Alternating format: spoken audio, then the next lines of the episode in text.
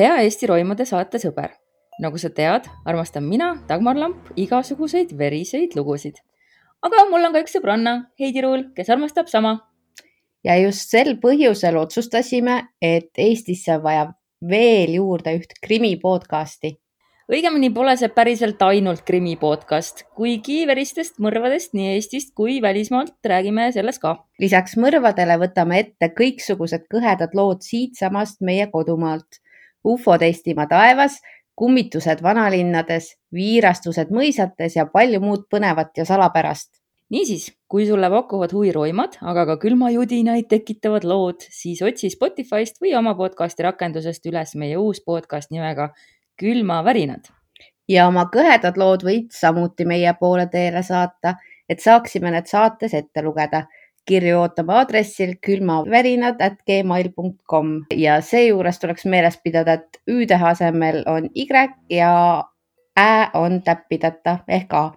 niisiis, tule kuula külmavärinaid ja ma ei tea, väriseme koos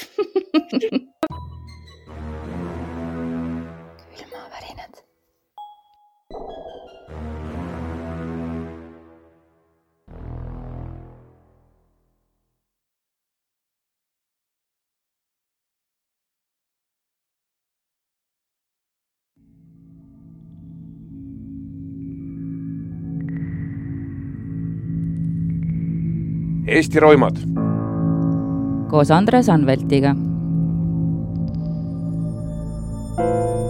Eesti roimad on taskuhääling, kus Andres Anvelt ja Postimehe ajakirjanik Dagmar Lamp räägivad Eestit raputanud kuritegudest ja siin jõhkrutsenud roimaritest. oleme jätnud endale vabaduse kannatanute kaitseks teatud detaile muuta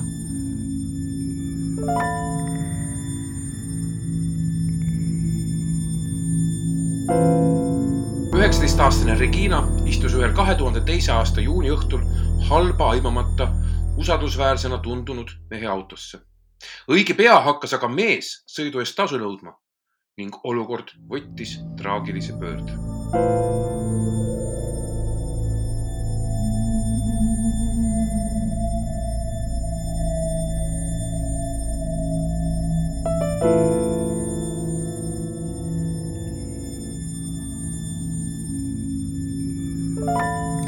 tere, head Eesti roimade kuulajad, mina olen Dagmar ja mulle meeldivad roimalood, õnneks ma pole ainus, me oleme siin näinud, et meie saadet kuulatakse väga palju ja ma igaks juhuks veel korra vabandan selle eest, et meil läks natuke siin graafikuga lappesse, aga see-eest te saate nüüd kaks nädalat järjest äh, uued osad. eelmisel nädalal oli meil külas kapo peadirektor Arnold Sinisalu ja sel korral on meil külas endine keskkriminaalpolitseinik, praegune kriminaalpolitseinik Sergei. tere tulemast tagasi, Sergei. tere, tere.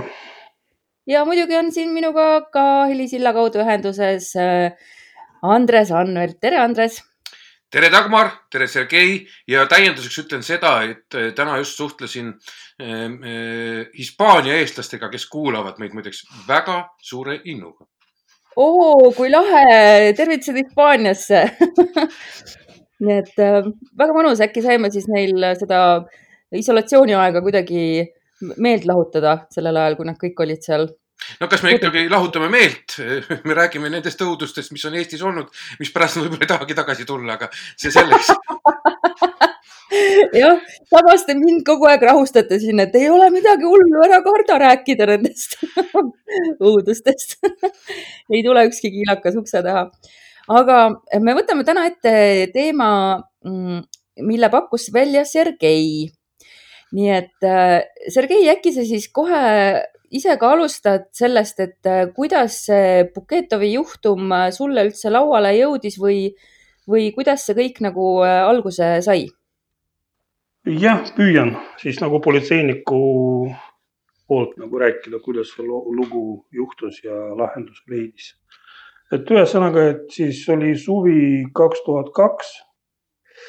saime hommikul ühel päeval siis kaheksandal juulil, kui ma ei eksi, siis saime teada lihtsalt päeva kokkuvõttest, et, et kuritegude kokkuvõttest, et on teadmata kadunud üks neiu Kurimäe kandis. ja siis no, et nagu alati, et mis sündmus, mis torkab silma, siis ta jääbki meelde. et kuigi kohe ei olnud teada, et millega tegu, siis panime kirja ja jätkasime tööd siis teiste asjadega aga hoidsime silmad-kõrvad lahti, et kui mingi info tilluke vahelt tuleb, siis et mitte mööda lasta, ütleme niimoodi. ma kohe küsin vahele, et kui tavaline see toona oli, et tütarlapsed niimoodi kaduma läksid? no oli, oli päris, päris, ma ei ütleks, et väga-väga niimoodi massiliselt, aga selliseid juhtumeid oli ja varem oli. ja tol ajal eriti ja minu meelest on siiamaani üks neiu kadunud, seesama, kes seal Läänemaal, Homotov vist perekonnanimi. Homotova, Homotova, Heidi Homotova jah.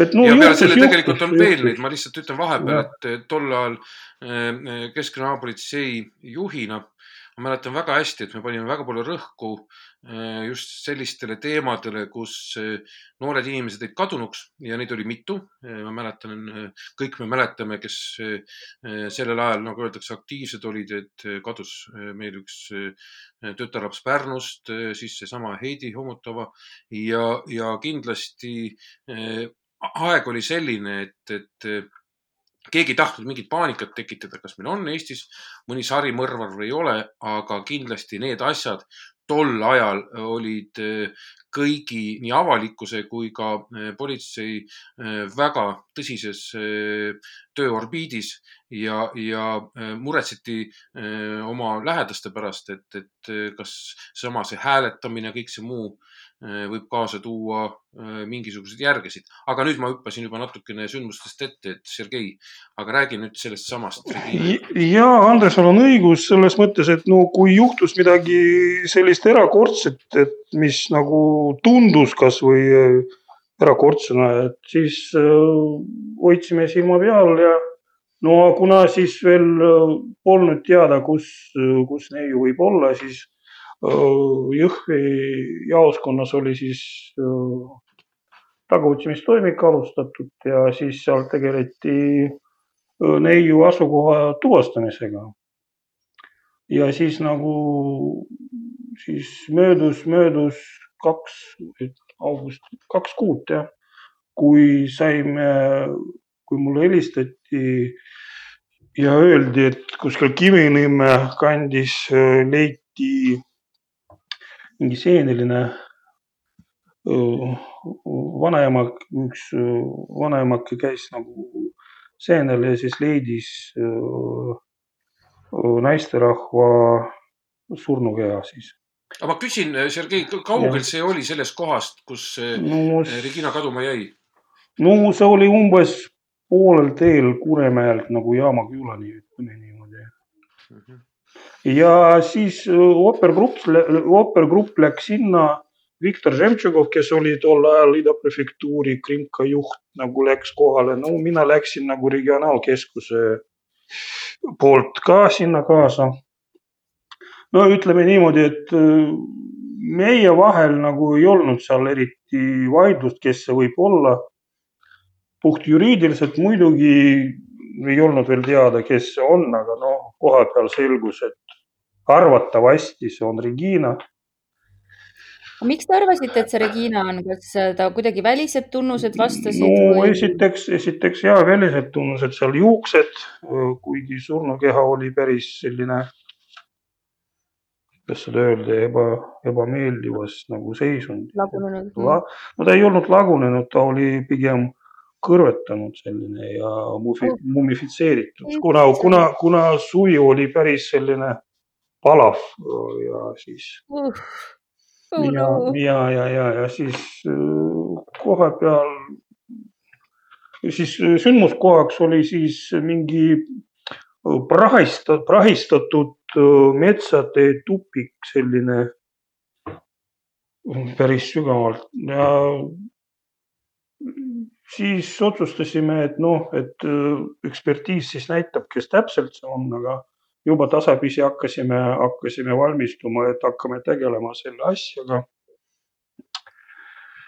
ja siis läks natukene aega, et ekspertiis nagu andis vastuse, et ja, et see on Regina Belavzorova, kes läks, kes kadus kaheksandal juulil. Ja see oli siis juba september või oktoober kaks tuhat kaks. siis hakkasime ju planeerima tööd ja alustasime, alustasime sellest, et noh, nagu Andres teab, et no kui, kui jälitaja või no ikka kriminaalpolitseinik hakkab äh, lahendama mingit sündmust, siis esimene, mis tuleb äh, pähe, et, et äh, kontrolliks neid isikuid, kes juba on midagi sarnast sooritanud, ütleme niimoodi.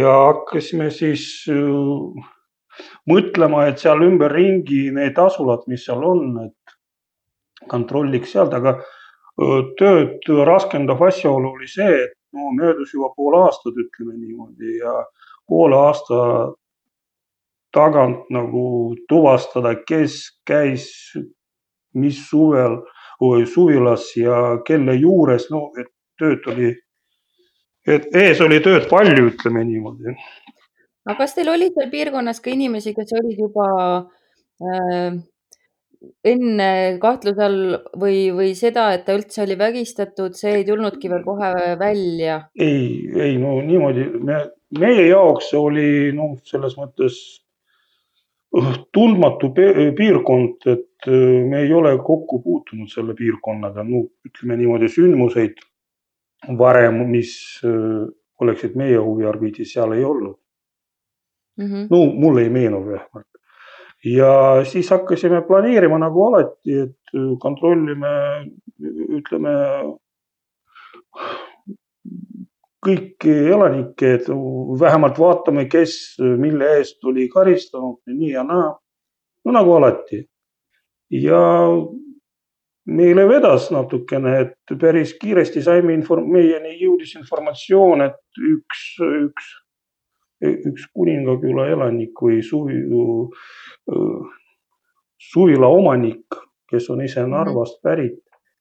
et kuidagi no umbes, umbes samal ajal, kui tüdruk kadus, siis õhtul väga hoolikalt pesi oma autot, ütleme niimoodi, võttis lahti peaaegu et juppideks ja seal väga-väga aktiivselt nagu pesi Sergei, küsin, kas seda ja. Eh, nägid siis eh, naabrid keegi? no ja, ja läbi, läbi jah, jah, tuli läbi inimeste nagu see informatsioon meieni jõudis.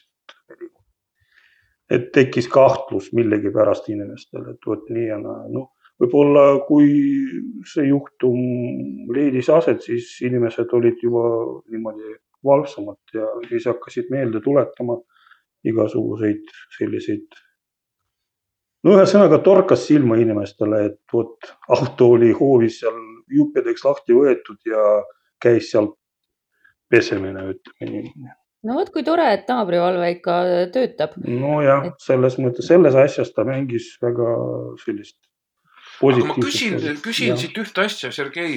Äh, äh, kuna sa olid otse nende sündmuste keerises, äh, küsin sellist asja aga kuidas iseloomustati seda Reginat, seda juba siis, kui ta kaduma jäi ja kõik äh, äh, need sündmused veel ei olnud isegi toimunud.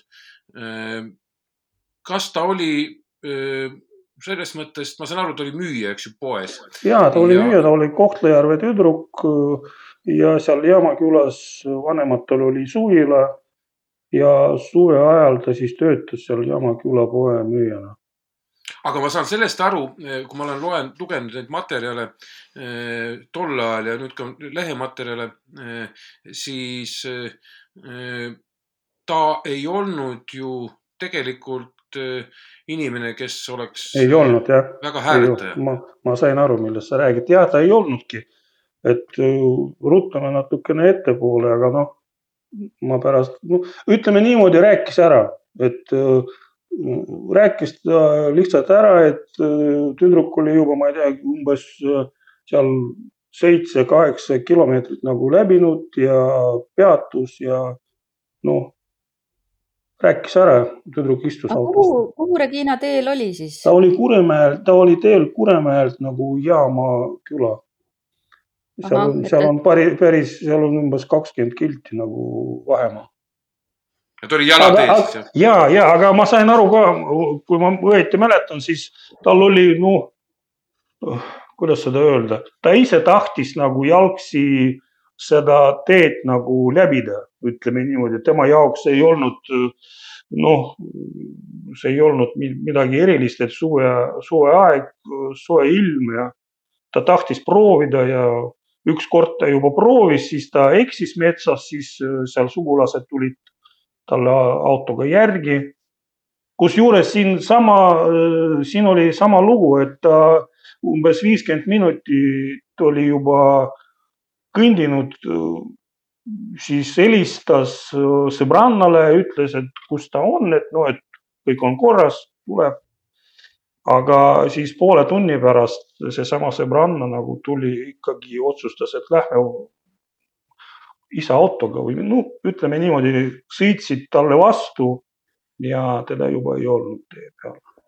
aga ma saan aru, et tal siis oli ikkagi juba mobiiltelefon olemas, et kas ja, ta ja kuidagi, ja, ja. seda ei saanud jälitada selle asukohta, toona vist ei olnud võimalust. ei, toona, no siis, kui ma ei oska kommenteerida nagu seda, ütleme, otsingute käigu, kuna ma ei osalenud, ütleme. ahah, okei okay.. aga mobiiltelefonil on oma roll selles asjas ah soo, ja nii et, nii et lähme edasi. jah ja me ja, me oleme Dagmariga lihtsalt liiga uudishimulikud, et me oleme väga pärsitud. nii et kui me saime teada juba vot sellest loost, et inimene pesi autot seal hoovis, ütleme nii, siis hakkasime vaatama, kes see on ja siis üllatus-üllatus tuligi välja, et selline inimene nagu Buketov Andrei. aga kui me saime sel, seda nime teada, siis me saime ka teada, et see inimene istub juba mõni aeg vanglas seksuaalkuritegude eest, mis ta pani toime Narva linnas. ja seal päris, päris selline huvitav äh, karistuse väljavõte tuli nagu ilmnes. no ütleme niimoodi, inimene oli mitu korda karistatud just, karistanud, karistatud just suulise kiire ebaloomuliku rahuldamise eest. ja, ja, ja see ja, ja, ja see aasta ta just läks, ta just läks vangi kaheks aastaks. sest et kui me, no tulebki välja, et kui me saime teada tema nimi ja meil tekkis äh, kahtlus tema suhtes, ütleme niimoodi tagasihoidlikult, siis tema, tema juba istus Tartu vanglas. No loomulikult siis äh, siin hakkas juba aktiivne töö ja alustasime juba konkreetsemat tööd tema vastu, tema ümber, ütleme niimoodi. ja siis, Dagmar, vot siin tuli välja seesama mobiiltelefon ja mis, mis oli, mis, mida me tuvastasime, et öö, see mobiiltelefon oli sama Andrei Buketovi naise kasutuses.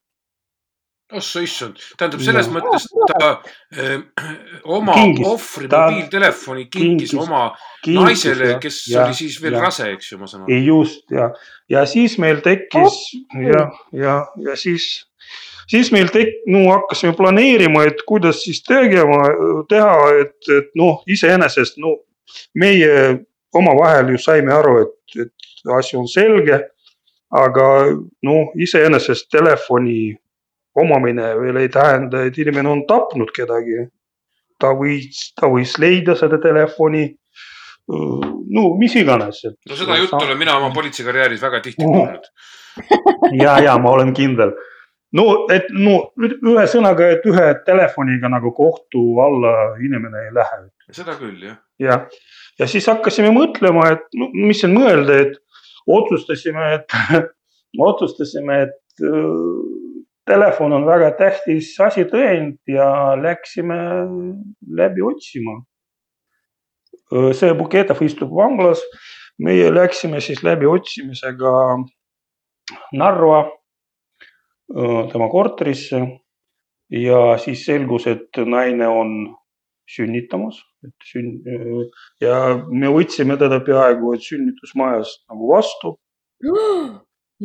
no, no tegelikult seal oli mööda, seal oli paar päeva möödas, kui ta sünnitas last. aga ikkagi. ja, ja kuna, kuna siis oli niimoodi, et kuna Regina surnukeha oli alasti, mingeid asju seal kaasas ei olnud mingit käekotti, no mitte midagi. no see oli tehtud meelega, et raskendada seda tuvastamist ja mm. -hmm. siis korteris me otsisime kõik nagu riidekapid, kõik, kõik, no otsisime neid, kui ta kinkis telefoni, siis no ei ole, ei ole välistatud, et ta kinkis mingi riideeseme ka või ehteid näiteks, või ehteid näiteks jah. ja, ja, ja just ja noh, telefoni me, me õnneks saime kohe kätte, aga noh, jätkasime seda läbiotsimist. Mm, siis no see naine käitus suhteliselt ülbelt nagu meiega, et, et seal, et mis nagu alati, et, et mis te politseinikud siin otsite hea inimeste korteris ja nii ja naa no ja Endal lihtsalt mees kinni vägistamise eest no, heade inimeste no, korteris abikaasa on ikka abikaasa, et. okei, okei, okei. ja. sa puutud ikka no imelike naistega kokku, ma vaatan nüüd. no see on eraldi, ütleme. saate teema. Sergei ja hullud naised. meid, meid, meid on hammustanud, meid on igat, igat asja teinud. oh vau, sellest küll kunagi rääkima nii et ühesõnaga asi tõend oli meil käes. inimene oli vanglas, siis otsustasime. aeg oli juba talvine. mina vaatasin enda märkmeid siin küll veebruarikuus umbes me otsustasime, et peab juba riskima ja siis tegelema otse nagu Buketoviga ja minu hea paarimehega Igoriga läksime siis Viru vanglasse.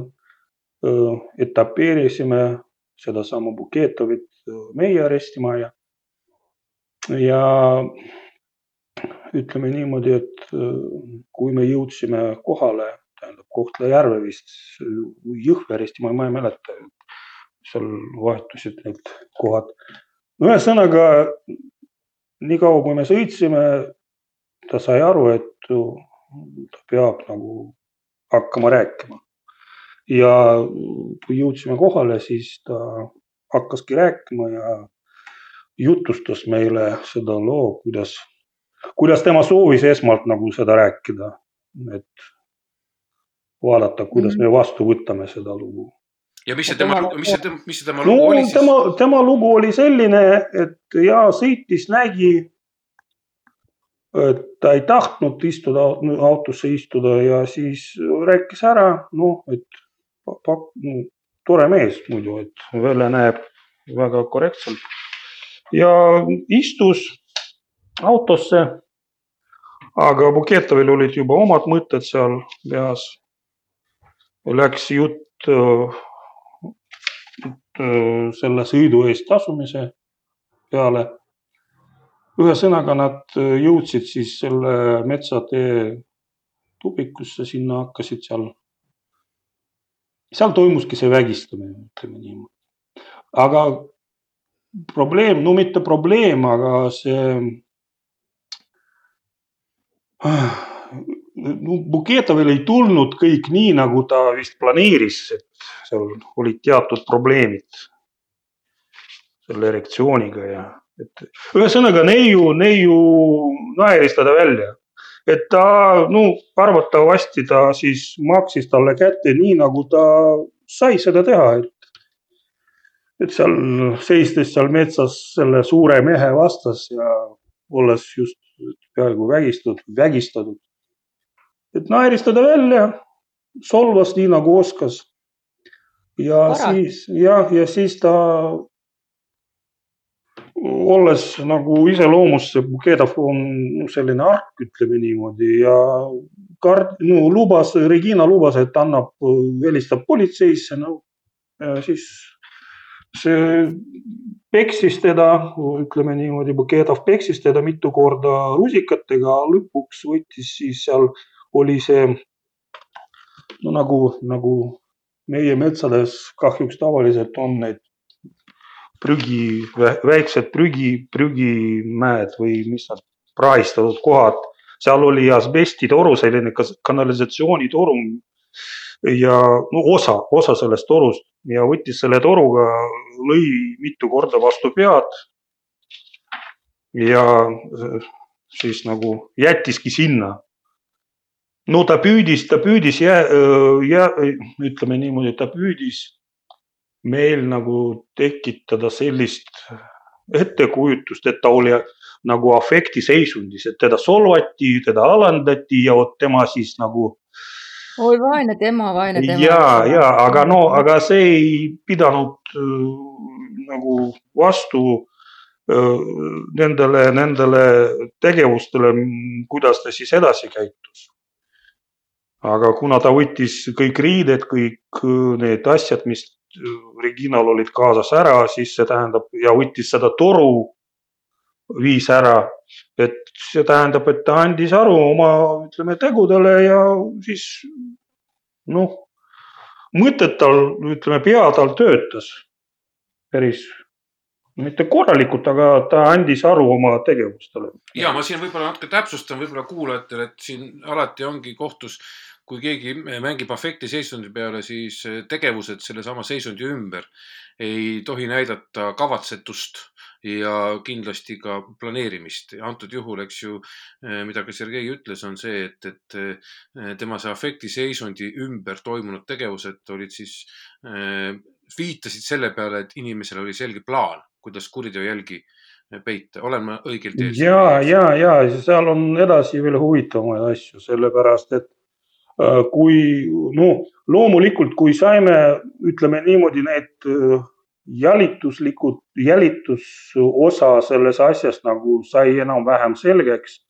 siis äh, hakkas menetlus, kriminaalmenetlus, menetleja tuli mängu, ütleme niimoodi sisse ja siis no hakkasime tõendid koguma, et esmalt otsustasime, et peab tegema olustikuga seostamist, see tähendab seda, et kurjategija läheb koos uurimisgrupiga sündmuskohale ja räägib seal kõik nagu, kuidas oli, kes kus seisis, kes mida ütles, kes mida tegi.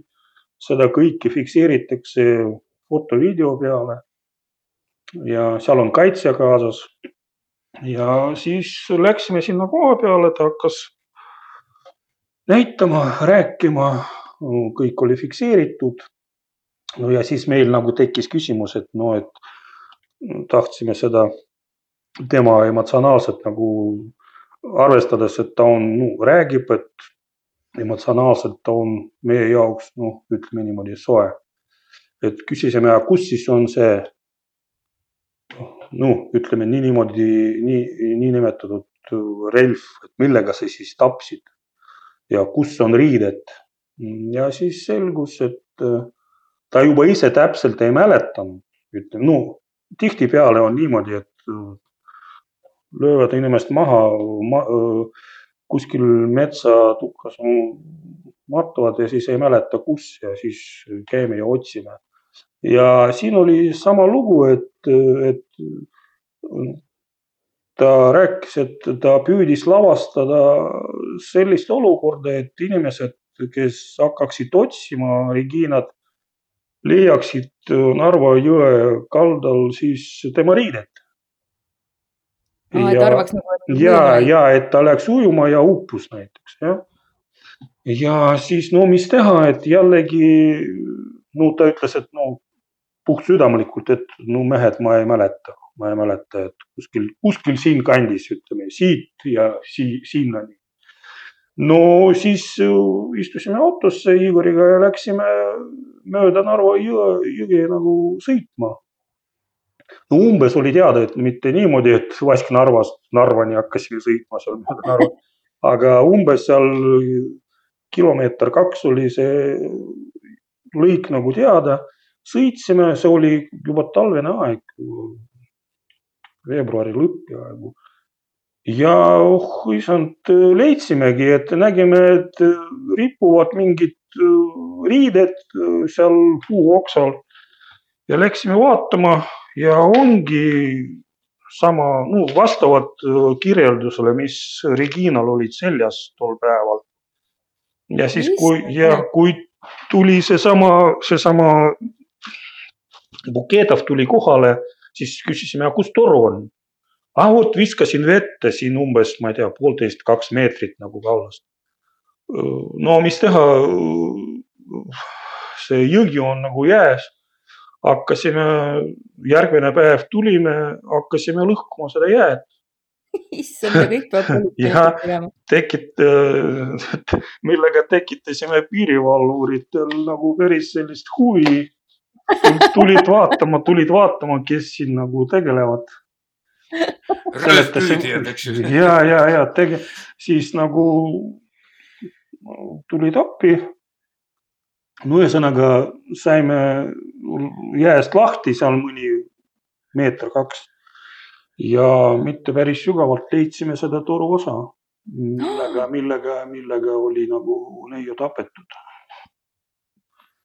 Ja see oligi kõik, mis oli vaja, eks ole? ja, ja siis nagu pilt tuli selge. ja siis oli kohus aga räägi nüüd ühte asja, mis on väga oluline eh, Buketovi puhul. Eh, eh, mis kindlasti ah, kuulajad huvitab, on see, et mis puudutab tema teisi kuritegusid, mis tulid just, välja. just ja ma hakkasin natukene kiirustama, et, et ütleme, ütleme selle juhtumi, selle episoodiga nagu töö oli, no ütleme ütleme ainult vormistamise küsimus oli, ütleme niimoodi jah, et ja kohtusse saatmine. aga siis hakkasime, tuli kohe, no mitte kohe, aga tekkis äh, vajadus kontrollida kõik need varasemad juhtumid, mis olid, mis on avastamata. sellega tegelesime ka, aga peamiselt Narvas. ja äh, mõningad tulid ka välja.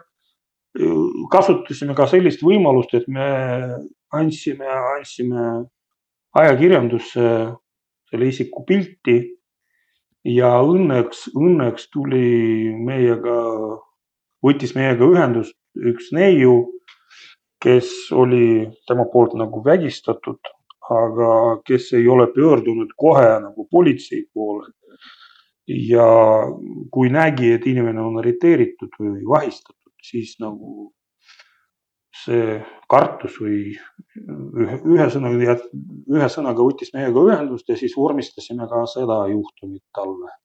aga ta, kas ta reaalselt, siis ma küsin siia juurde kindlasti eh,. miks ta kartis, kas Buketov, pärast välja tuli, kas Buketov ähvardas teda eh, politseisse pöördumise no, eest või ta ise kartis? raske, raske öelda, inimesed on erinevad iseloomust, et no eks vägistamisel ole ka väga suur stigma ja toona eriti ju kiputi ka ohvrit süüdistama. et, et, et, et, et, et vaata, et vaata, Regina käitus niimoodi ja sai surma, teine käitus teisiti ja no raske, raske hinnata, ühesõnaga ta võttis meiega ühendust, käisin temaga rääkimas ja siis vormistasime.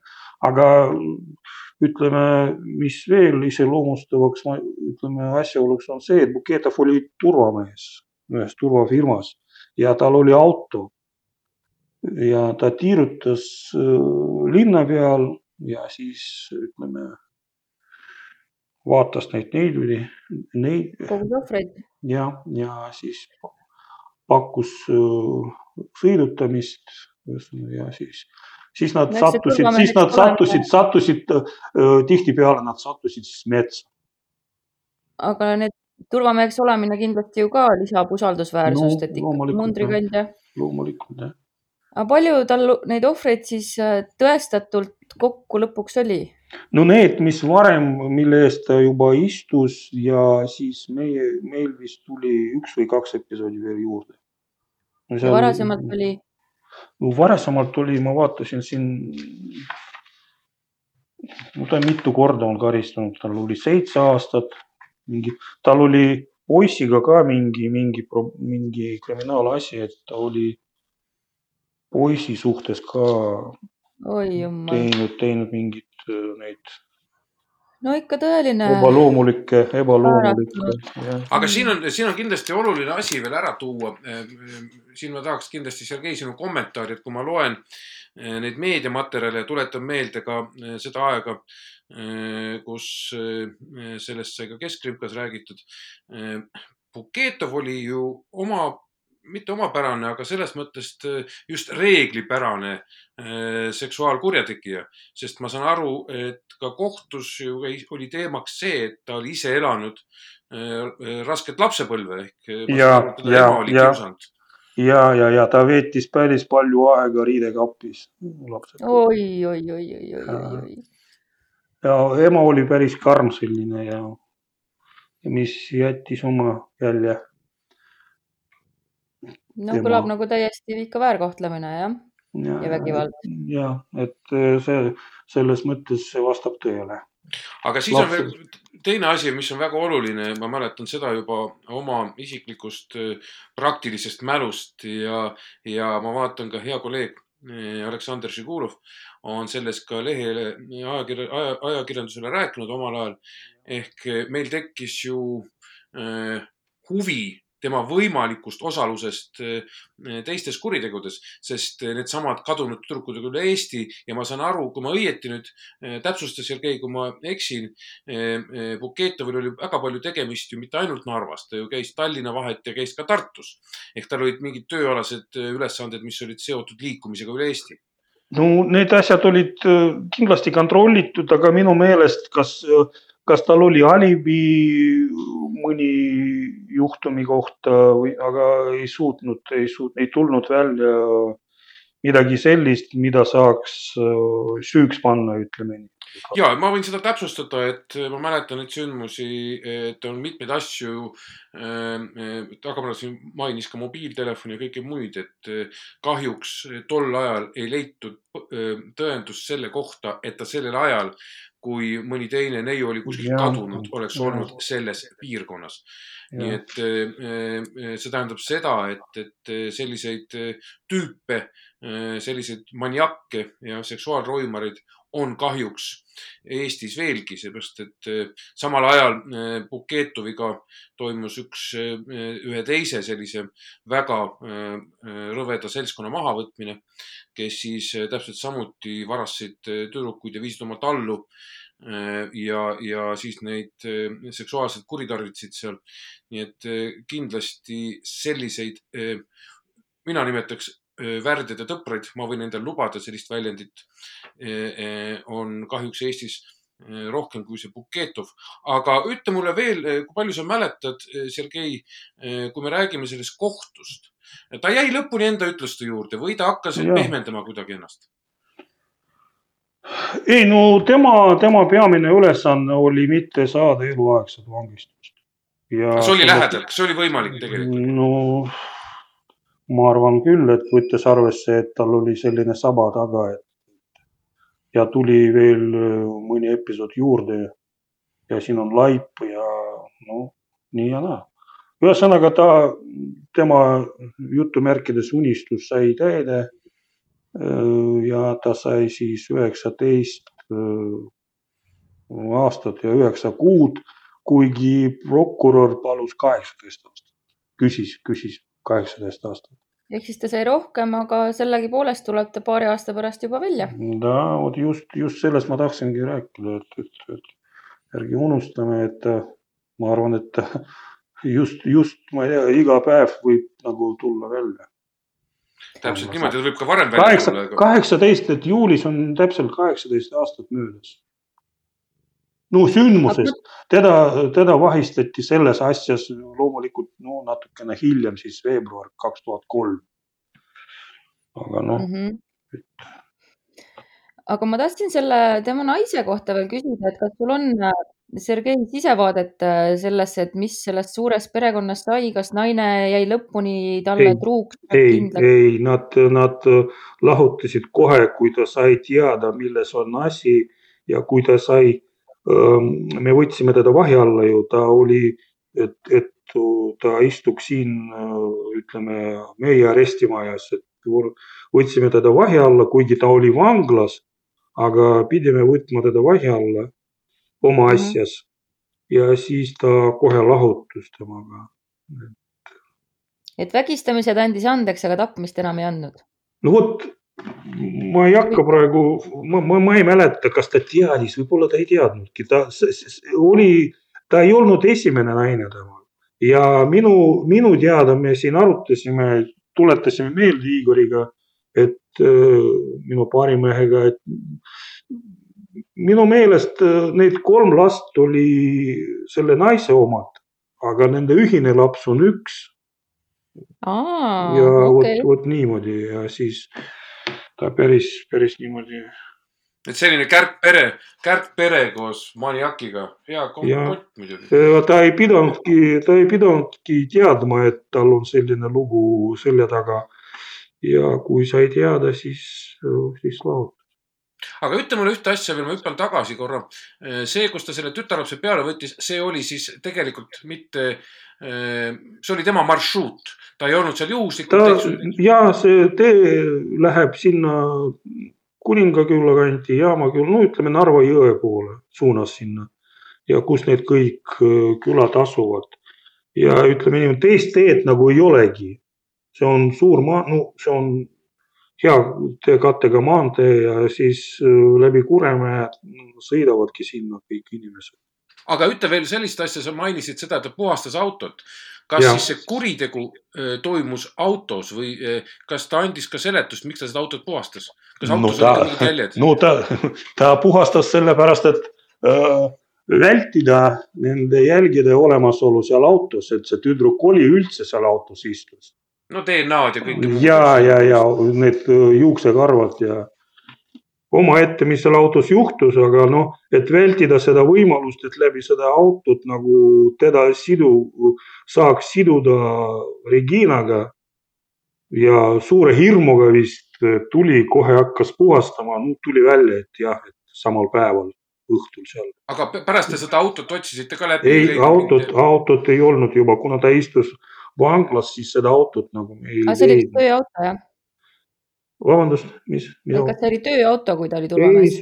minu meelest see oli isiklik auto. ahah, okei. selle, selle autoga me ei tegelenud selle, selles noh, vot, et tänu sellele tähelepanu temale sai tõmmatud, et oma autot nii suure hoolega pesi, aga lõpuks ei olnud ikkagi. no iseenesest, iseenesest ei ole ju midagi, inimene peseb autot, aga no võttes, võttes arvesse, no ütleme konteksti, millal küsid, kuidas küsid, kelle kohta küsid ja mm, siis jah, siis. see tekitab, tekitab muidugi minus sellise, sellise kurma, kurva loo juures muidugi ei tohi eh, eh, sellist musta huumorit teha, aga, aga ma arvan, et need eh, selvepesulad, mida on Eestis tekkinud nagu seeni peale vihma, et sinna peaks panema kaamerad üles, vaatama, kes autot peseb kogu aeg. no mõningatel ei no mõningatel kaamerad on olemas, aga kui inimene sõidab sinna sisse ja hakkab äh, autost nagu istmed välja tõstma, siis jah, tekib, tekib kahtlus kohe. see on, kindlasti on kahtlus, sest eh, ma jällegi pean hüppama ajalukku, et eh, esimene Eesti DNA ekspertiis, mis üheksakümnendate keskel minu eestvedamisel tehti, oli ka seotud autoga, kus leiti verejälgi ja, ja, ja sellest verest siis tehti kindlaks, seostati ära ohvriga. nii et see veri on selline huvitav asi, mida kindlasti tuleb mainida. et eh, sa võid seda küürida ja pesta palju tahad tegelikult see kuskile kiudude vahele alati jääb. ja, ja. no ma olen juba maininud ühes siin saates, et äh, naisterahvana ma tean seda liigagi hästi, jah. et olen intiimselt kursis vere üksikasjadega. aga veel, mul on üks küsimus, Sergei veel, ennem kui me vist hakkame varsti lõpetama, ma vaatan kella, aga mul on küsimus sellest. Täitsa ma alati proovin seda küsida, kui sa suhtlesid Buketoviga need eh, alates sellest sõidust, eks ju, Tartust eh, Jõhvi ja pärast kindlasti mitmetel-mitmetel, võib-olla kümnetel kordadel, eks ju, ülekuulamistel, vestlustel. mis, mis mulje jätab sulle kui professionaalile üks seksuaalkurjategija, kuidas tema käitumine, kas ta erineb eh, meie normaalsete inimeste käitumisest? Ei, Buketovi suhtes küll ei saa seda öelda, täitsa tavaline mees, no väliselt vähemalt.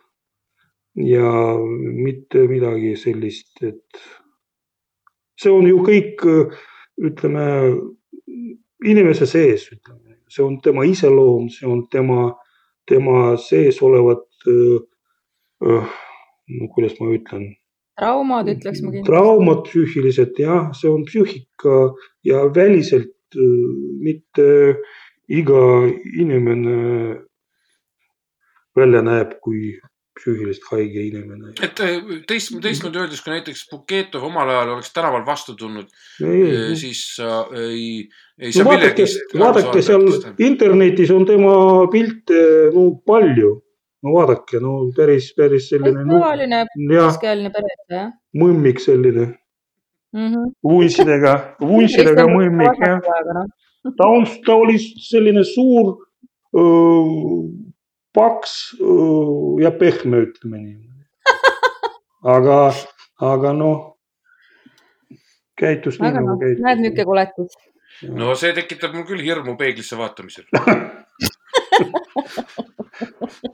no. Aga sul vuntsi, sul vuntsi ei ole, Andres, ma arvan no siin eh, selle koroonakriisi ajal mul on igast asjad vahepeal olnud, nii vuntsid kui habe aga suur aitäh teile, härrased, see oli äärmiselt paeluv lugu ja äärmiselt traagiline lugu, aga selles mõttes õnneliku lõpuga, et ikkagi teo tegija sai vastutusele võetud. Ja Regina lähedased, kes olid ju pikka aega teadmatuses, said ju ka lõpuks ikkagi äh, leinata oma, oma kallist äh, kadunud tütart ja tütretütart ja pojatütart, kes seal oli, vanaema kõik otsis vist teda taga. Äh, aitäh, Sergei, et sa sellise palun. teema meieni tõid ja, ja nii äh, toredasti sellest, tore, tore muidugi sihuke kahtlaväärtusega sõna, aga nii värvikalt sellest rääkisid ja aitäh sulle, Andres, jätkuvalt et, et sa minuga neid saateid teed ja pärastlõunaid veedad aga jätame siis praegu hüvasti Eesti roimade po podcasti, Eesti roimade hooaeg äh, läheb äh, edasi, vist kolm saadet on jäänud veel, Andres, kui ma ei eksi. ma arvan, et lausa kaks äkki, aga võib-olla kolm, ma ei oska praegu öelda, jah, mul on ka natukene. nii palju neljapäevasid. ma ütlen niimoodi, et sinuga koos saate tegemine on ajaarvamise mul sassi ajanud oh, mis see nüüd, mis see nüüd, no olgu siis kaks või olgu kolm, igal juhul need saated äh, kindlasti veel teieni tulevad ja eks äh, kuulake siis meid äh, jälle, aga aitäh veel kord. nägemiseni. Eesti roimad. koos Andres Anveltiga